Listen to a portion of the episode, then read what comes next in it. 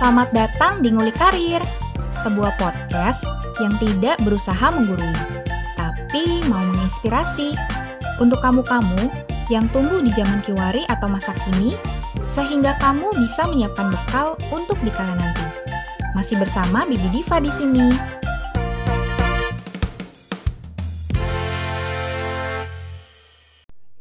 Oke, berarti udah makin mengerucut nih ke apa namanya ke dunia podcasting sama sampai akhirnya bikin pabrik suara rakyat ya.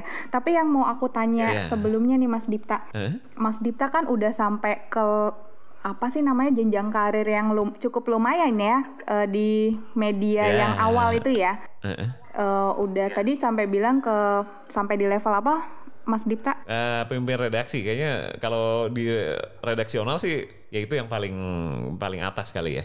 Cuman pada akhirnya melihat sesuatu eh, yang lain dan mau yang tadi Mas Dipta bilang mau berdarah-darah di situ gitu. Apa sih yang Mas Dipta lihat gitu? Sebenarnya gini, dulu sebagai ya bahkan namanya manusia ya sampai sekarang pasti suka dengan namanya pembuktian gitu. Walaupun ini ini banget lah. Apa semuanya harus dibuktikan gitu kan. Harus ada orang yang melihat gitu supaya ada pengakuan atau apresiasi gitu orang orang bilang kan. Iya, iya. Nah, tapi waktu itu pikirannya adalah gue sih yakin kalau konten audio ini adalah jawaban dari orang-orang yang malas baca.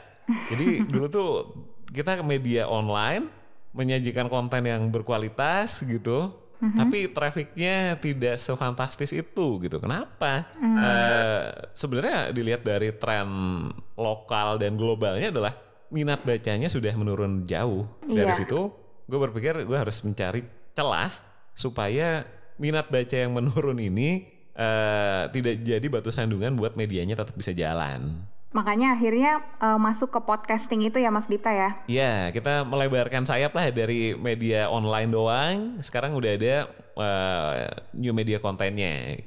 Terus eh, memangnya perkembangan perkembangannya itu kayak gimana sih Mas Dipta melihat perkembangan media yang dari dulu sampai sekarang itu di mata Mas Dipta tuh gimana? Hmm, kalau dulu mungkin orang itu akses informasinya ya cuman dari media konvensional. Orang baca koran gitu kan, beli majalah, eh, yang terbit bulanan gitu. Ditunggu dari tiap hari ke hari kita nungguin koran. Nah, terus nungguin acara TV gitu ya, berita penyiar radio juga kita tungguin gitu. Bukan nungguin lagunya ya, tapi nungguin penyiar bakal ngebahas apa gitu. Kalau lagu mungkin kita bisa beli kaset gitu kan, CD even. Nah, sama sih media juga kayak gitu gitu.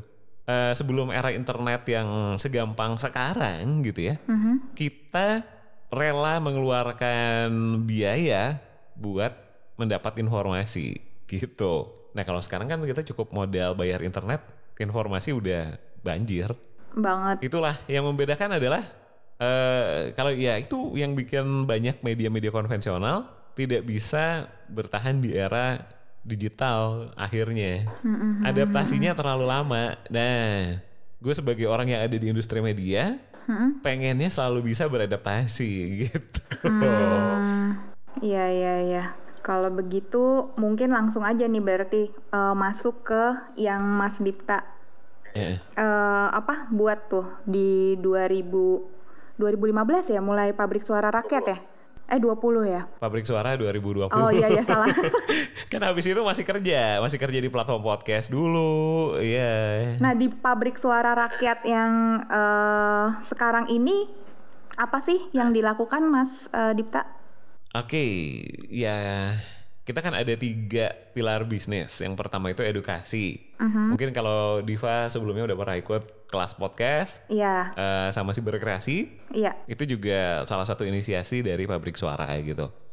Eh, yang kebetulan disambut baik sama eh, ide-ide dari pemerintahan gitu dari Kemkominfo ya, gitu. Nah, eh, selain itu eh, kita juga ada produksi. Jadi artinya kita membantu siapa pun institusi, korporasi, personal gitu yang ingin membuat konten audio gitu. Eh, eh, yang terakhir adalah media buying, jadi agensi sebenarnya. agensi untuk eh, konten audio dan khususnya teman-teman podcasting, kayak podcaster gitu. Oke oke. Jadi memang khusus di apa podcasting audio gitu ya, layanan audio digital gitu ya. Audio. Kalau ya, betul. Sesuai namanya sih Diva. Jadi kalau orang nanya pabrik suara rakyat tuh apa? Ya kita pabrik gitu. pabrik ya bayangkan pabrik. Kalau lihat logonya juga emang logo pabrik di bawahnya. Di atasnya itu ada gramafon atau turntable gitu bahasa kalau orang sekarang gitu ya. Eh, pabrik yang menghasilkan suara. Suara siapa? Suara rakyat. Karena kita orang biasa, bukan selebritis gitu.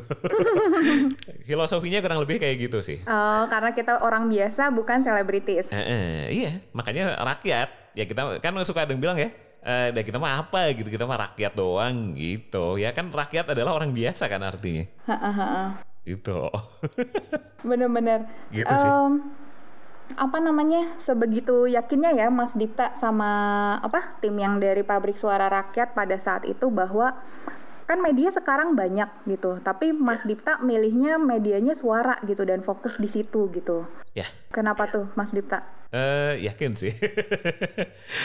yakin karena gini, eh iya, karena yang satu eh kita punya kemampuan di situ. Itu yang bikin kita yakin. Dan yang kedua, eh kalau visual mungkin ada lagi yang lebih jago gitu. Dan udah banyak pemainnya. Kita ngeliatnya kita yakin dengan kemampuan kita di audio, eh, punya modal juga, modal suara maksudnya kita cukup yakin lah dengan kemampuan kita di bidang peraudioan ini. Lain sama misalnya kita ngomongin visual gitu, kita bukan lah. Tapi kita siap untuk memberikan kontribusi ke teman-teman visual lewat audio kita gitu. ya bener-bener makanya di pabrik suara rakyat juga ada VO ya Mas Dipta ya?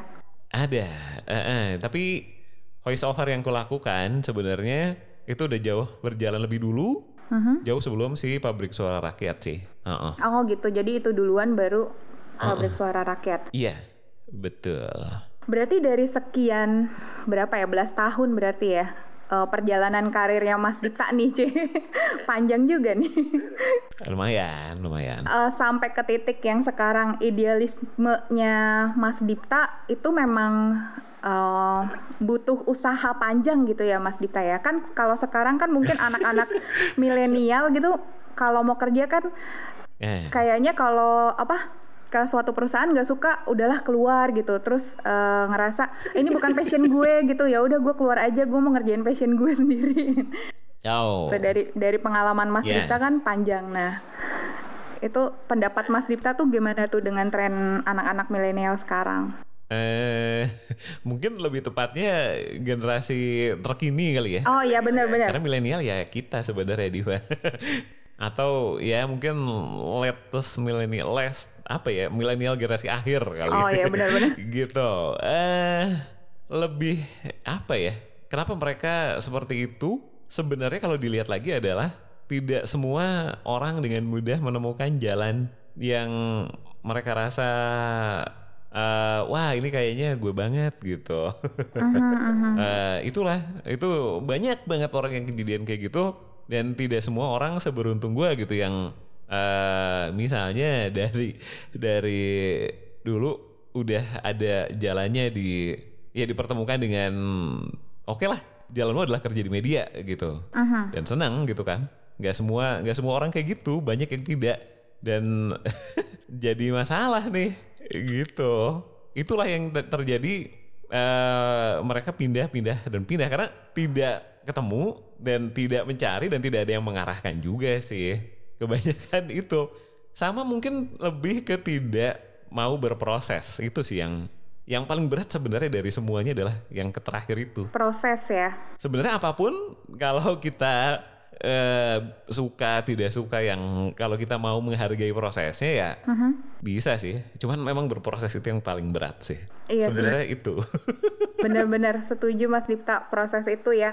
Nah, Mas Dipta sendiri eh, selama perjalanan karir Mas Dipta ini apa sih yang Mas Dipta alami di dunia media tantangannya itu seperti apa? Tantangan di dunia media, wah, uh, ini sih banyak banget dari pertama ketika dihadapkan pada kenyataan kalau dunia media tidak semanis itu, tidak semanis bayangan itu.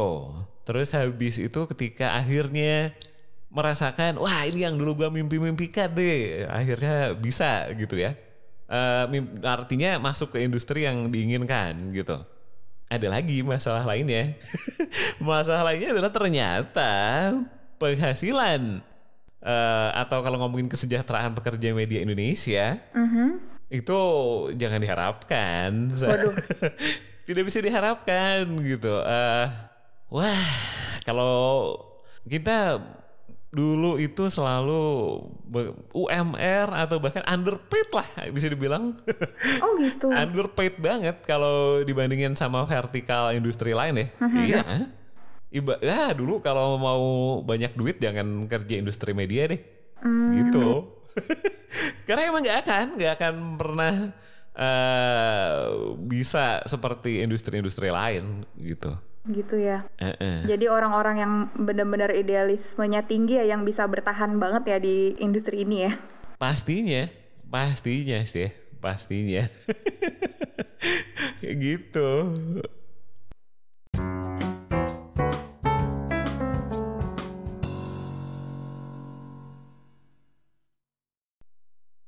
Oke, Mas Dipta. Jadi gimana perkembangan oh. ke depannya media? Media ya, ya eh, di masa depan sih pasti bakal banyak format-format baru ya. Uh-huh. Nah, tapi terlepas dari itu, kalau ngomongin skill set lain yang harus dimiliki selain kalau dari pengalaman sendiri ya, selain kemampuan dasar menulis, adalah uh, punya ciri khas yang sulit direplikasi gitu. Kita ambil contoh begini deh. Uh, kalau misalnya sama-sama reporter gitu ya, dia melaporkan apa yang terjadi di lapangan. Nah, ambil contoh pertandingan sepak bola ada reporternya dong kan banyak tuh kan reporter dia uh, di lapangan di lapangan bola itu gitu terus dia melaporkan jalannya pertandingan uh-huh. sampai skor akhir akhirnya siapa yang menang tim mana atau negara mana gitu kan nah kalau dulu kan konvensionalnya sampai hari ini gitu uh, kebanyakan masih seperti itu kan berita gitu kan uh-uh. nah tapi udah ada juga loh berita-berita seperti itu yang dibuat tidak oleh manusia lagi. Uh, terus? Kalau cuman seperti itu ya, ya udah ada memang itu dilaporkan secara sistem jadi udah ada sistem yang bisa melaporkan kejadian gitu dari menit oh. kesekian hmm. misalnya dari pertama uh, terjadi oper bola dari pemain satu ke pemain dua terus nanti ada uh, apa pelanggaran dari pemain kesekian terus ada gol pertama di menit kesekian itu udah sangat mungkin sekali untuk dikerjakan sama sistem. Hmm, gitu, ya. gitu. ya. Mm-hmm. Lebih cepat lagi daripada orang dan kemungkinan salahnya mungkin lebih sedikit. Lebih sedikit iya. Jadi orangnya gimana dong? Ngerjainnya apa dong? Iya makanya itu, makanya makanya jadilah yang punya pembeda. Ketika itu oke okay lah, yang seperti itu dihandle sama mesin. Tapi mungkin analisis dari orang dengan uh, karakternya sendiri, bukan bukan berita-berita yang sifatnya cepat ya. Iya. Itu masih jadi orang sih setidaknya buat beberapa tahun ke depan. setidaknya ya, gitu. Wow. Ha-ha. Perkembangan teknologi betul-betul ya mengubah banyak. Iya. Sama gini sih sebenarnya yang yang di makan sama robot itu adalah apa yang dilakukan sama manusia gitu kan. Hmm. Iya dong, sebenarnya ya kasih makan robotnya kan kita kita juga. Jadi ya, jadi itulah makanya pentingnya sekarang kita kalau kalau uh, kitanya aja banyak mengabaikan hal-hal yang mungkin ah ya udahlah gitu kan. Misalnya berita palsu gitu. Uh -huh itu yang uh, jadi makanan utama orang sekarang jadi mm-hmm. jadi kan itu diempanin orang juga kan orang lain yang yang ngasih makan berita palsu ini kan orang juga gitu kan orang membuat dengan tujuan dimakan orang mm-hmm. tapi dia nggak sadar medium sebelum dimakan orang lagi itu ada ada sistem mm. ketika sistem mengambil alih kerjaan orang ini bisa jadi dia malah membuat berita palsu gitu loh. Wah, itu sih yang yang mengerikan sebenarnya itu. Iya. Lebih mengerikan dari dari pergeseran orang ke sistem mungkin hal-hal seperti itu yang sangat mengerikan sih. Mhm, mhm. Gitu. Wow, banyak banget nih yang sudah bisa dikulik-kulik. Sama mungkin ini kali kalau misalnya kita gini podcast misalnya es eh, kalau kita nggak ada bedanya sama podcaster lain gitu ya apa nih yang bikin beda gitu? Ya udah bisa loh suatu saat nanti misalnya ya udah si podcast itu muncul sendiri robotnya bikin suara gitu gak iyalah sangat mungkin gitu sangat mungkin mungkin beberapa yang sulit itu emosi mungkin walaupun tidak juga ya. Emosi manusia tidak bisa direplikasi robot. Tapi tidak juga bisa-bisa aja buktinya. Tidak ada yang tidak mungkin gitu. Ya teknologi lah. Untuk yang eh, nanti akan ke bidang media, siap-siap seru. Seru pasti. Siap Mas Dipta. Banyak banget nih yang kita kulik dari Mas Dipta. Sukses selalu Pabrik Suara Rakyat. Makasih banyak ya Mas. thank you juga Diva mantap